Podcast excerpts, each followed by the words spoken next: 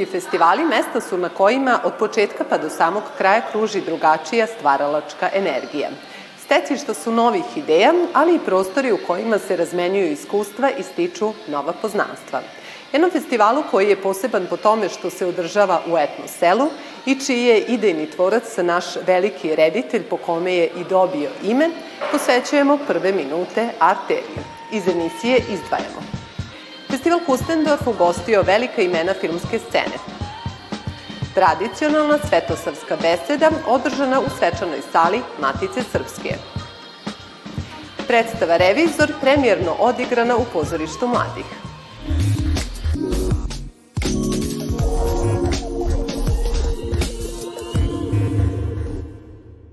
Selo Drvengrad ovih dana kuca u ritmu filma i muzike.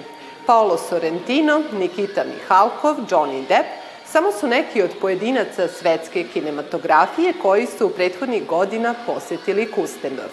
Ko od domaćih filmskih zvezda ove godine boravi na festivalu Kustendorf na Mečerniku, otkriva nam Jelena Jokić. Ja sam htela ovaj razgovor da započnem sa vašim sećanjima na snimajuće dane filma Život je čudo. Ali obzirom da ste vi malo pre spomenuli vaše snimajuće dane za Salaš u Malom Ritu, za tu Košavu i Vojvodinu u kojoj ste snimali, možda bi bilo dobro da spomenete i da kažete kako je to izgledalo. Pošto ste vi iz Ravnice, ja sam se setio mog prvog iskustva sa, sa Ravnicom i sa snimanjima, a to je bilo eh, TV serije Salaš u Malom Ritu zimski deo. Snimali smo u, u selu Ovča, u, u, u pravcu Zrenjanina. To je meni bilo e, katastrofa, što se toga tiče.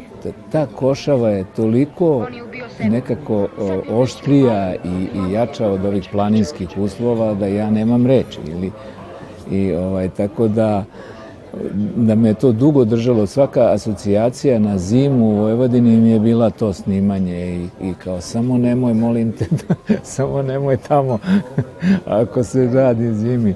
Rekli ste da vas uspomene vežu za ovo mesto zato što ste bili ovde kada ovo sve nije ovako izgledalo. Vi ste snimali sa Emirom Kusturicom film Život je čudo, pa sada kada se setite tog perioda, šta vam prvo pada na pamet? Dok smo snimali, Emir je kupio ovaj, ovaj prostor ovde, ovo zemljište gore koje se zove Mećavnik, koje se zvalo Mećavnik i i odlučio da napravi nešto, neku etnu kuću ovde, nešto da ima, mu se sviđa, sviđa kraj.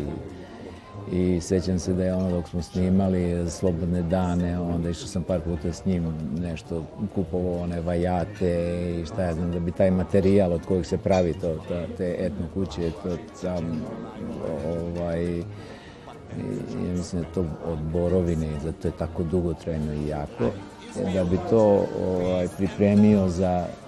Međutim, posle on to proširio, nije se zaustavio. Vidim svaki put posle kad sam navraćao, ako sam ili bio u prolazu ili nekim povodom nešto, ovaj, to je bilo sve veće i veće i preraslo do jednog drvenog grada. Vi ste ove godine e, član žirija, pre nekoliko godina bili ste dobitnik nagrade Drvo života za buduće filmove, a mene zanima pošto ste zaista sarađivali sa Emirom Kusturicom na kultnim ostvarenjima. I verujem da je nezahvalno pitanje, ali kada biste morali da izdvojite jedno od ostvarenja koje pamtite po snimanju ili krajnjem proizvodu, kom filmu biste se vratili? Možda je uh, uh, Doli Beli uh, specifičan po tome što smo mi bili strašno mladi uh, i, i nekako tu smo se i upoznali, bar Emir i ja i to, to E, specifičan, ali opet na svoj način svaki od tih projekata je imao, imao svoju posebnost.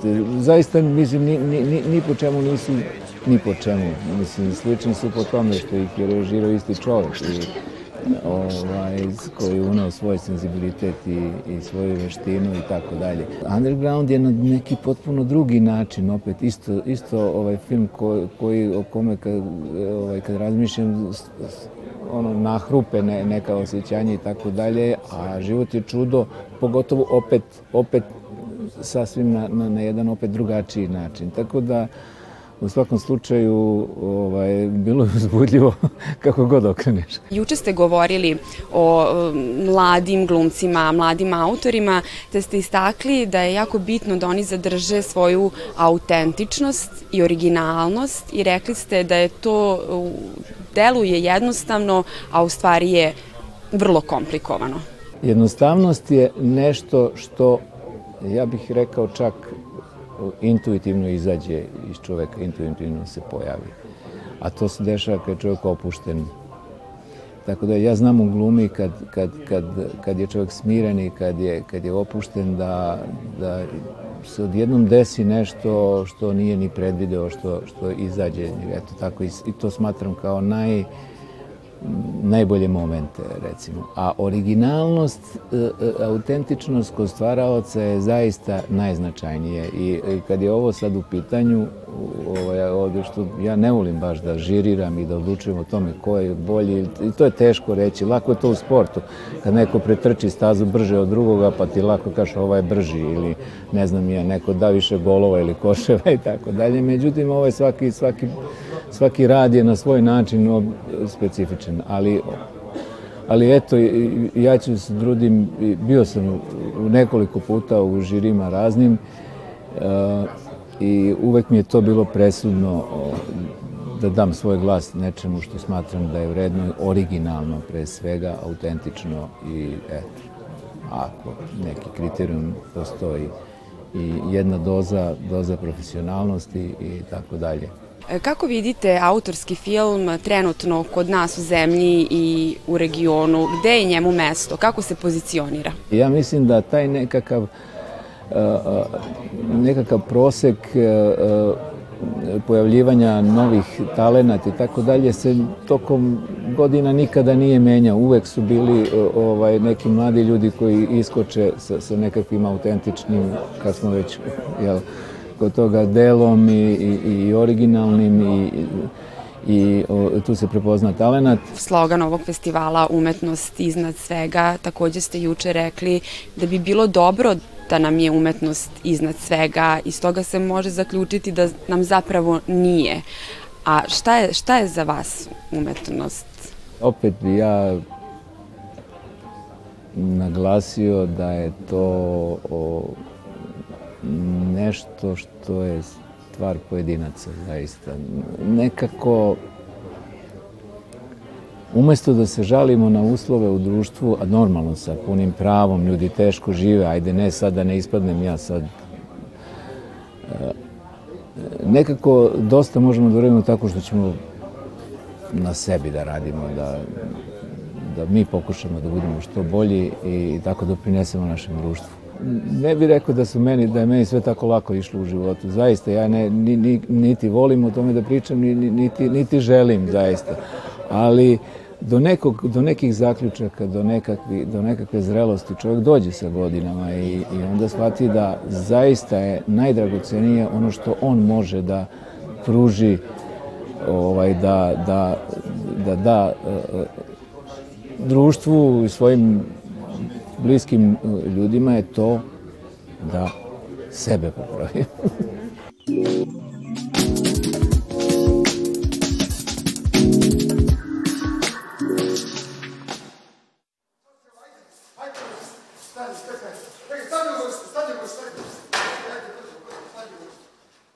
Zastrašujuća u svojoj aktuelnosti Gogoljeva drama Revizor u pronicljivoj i tačnoj režiji Petra Jovanovića pokazala je da je pozorište najbolje kada odgovara na goruća društvena pitanja i vida najbolnije rane. Dakle, da nam je u revizorskim vremenima potreban revizor. Kako smo počeli da, da čitamo revizor, da ga, da ga proučavamo, e, shvatili smo koliko se e, replika, koliko rečenica Gogoljevih su kao da su danas napisane, kao da se odnose na upravo ovaj moment u kom, u kom mi živimo, da on ništa nije, ništa nije izgubio ni na duhovitosti, čak ono kao da dobija na toj nekoj gorčini, ono kao čak zbog toga smo negde malo ono kao pomerili i žanrovski do, m, e,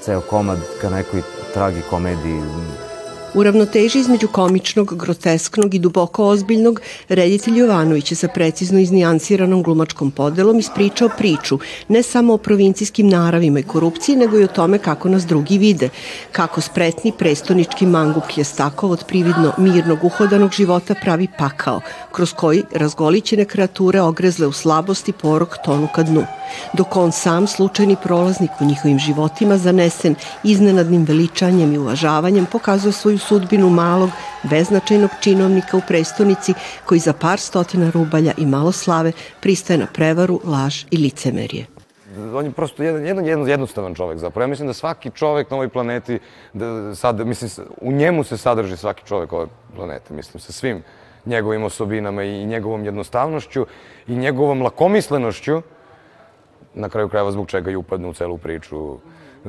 u celu priču tog malog sreza, te male opštine. Potemkinova sela Male Ruske varoši u duhovitom scenografskom rešenju Marija Kalabić definisana kao prostor neprekidne izgradnje, rasta, razvoja, taj kostur ili ako hoćete skelet društva večito na klimavim skelama sa neprevaziđenim poljskim toaletom i nedostižnim vedrim nebom u daljini ključ su učitavanja savremenog trenutka u oko 200 godina stari tekst.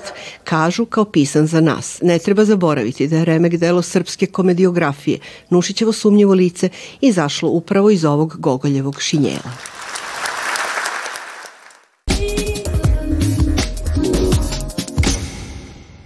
Jedan od najvećih izumitelja svih vremena Nikola Tesla upokojio se na Božić pre tačno 80 godina. O odnosu nauke i hrišćanstva, ali i o snazi ljubavi i vere koji su bili neki od glavnih pokretača Teslinih misli, govori nam priča naše koleginice Ive Jovančić-Vidaković.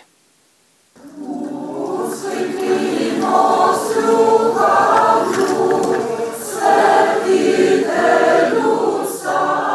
26. januar je dan kada se u našoj najstarijoj i najeminentnijoj instituciji kulture, Matici Srpskoj, održava sada već tradicionalna svetosavska beseda. Manifestacija je otvorena svetosavskom himnom u izvođenju hora utio generalni sekretar Matice Srpske Milan Micić. Glavni deo večeri bio je posvećen besedi prezvitera Olivera Subotića pod nazivom Uticaj svetosavske etike na lik i delo Nikole Tesle. Govorit ću na koji način su vrline milosrđa, pravdoljubivosti, nesebičnosti, trudoljubivosti, sticanja znanja i tako dalje, eh, u Teslu utisnute još iz porodičnog doma, na koji način, ko su još ljudi izrazito svetosavskog etosa koji su uticali na Teslu, na koji način kod Tesle možemo da primetimo ono što je eh, tipična hrišćanska vrlinska paradigma. Prezviter Oliver Subotić je prvi sveštenik koji je napisao knjigu posvećenu Tesli pod nazivom Tesla duhovni lik. Kompleksnost Tesla sagledana iz više uglova prikazujući njegovu duhovnu i svetovnu stranu. Danas imamo evo zadovoljstvo da uh, pozdravimo uh, oca doktora Olivera Subotića koji se bavio čitavim nizom izuzetno zanimljivih stvari koji govore o tome kako se duhovnost pravoslavlja suočava, prožima sa između ostalog i tehnološkim događajima i naučnim događajima našeg vremena. Kraj svog izlaganja otac Subotić posvetio poređenju likova Svetog Save i Nikole Tesle, odnosno isticanju njihovih razlika, ali i sličnosti, naglašavajući neminovni značaj koji su ostavili u našoj istoriji. Manastir Gračanica, graditeljski i umetnički testament kralja Milutina Nemanjića, potonjeg sveca, tema nove emisije iz serijala Plavi plamen autorke Sofije Ljukovčan. Novi povodi za nova dopričavanja ove drevne priče ostvarene u kamenu i freskama na Kosovo i Metohiji su sedmovekovni jubilej manastira, kao i nedavno okončani konzervatorski radovi na njegovom živopisu, o čemu svedoči grandiozna izložba Gračanica, sjaj umetnosti u doba kralja Milutina – u Galeriji Srpske akademije nauka i umetnosti. Emisiju možete pogledati u 23.40 na našem prvom programu. To bi bilo sve što smo vam pripremili za ovo izdanje emisije. Vidimo se i sutra sa novim dešavanjima iz kulture. Svako dobro.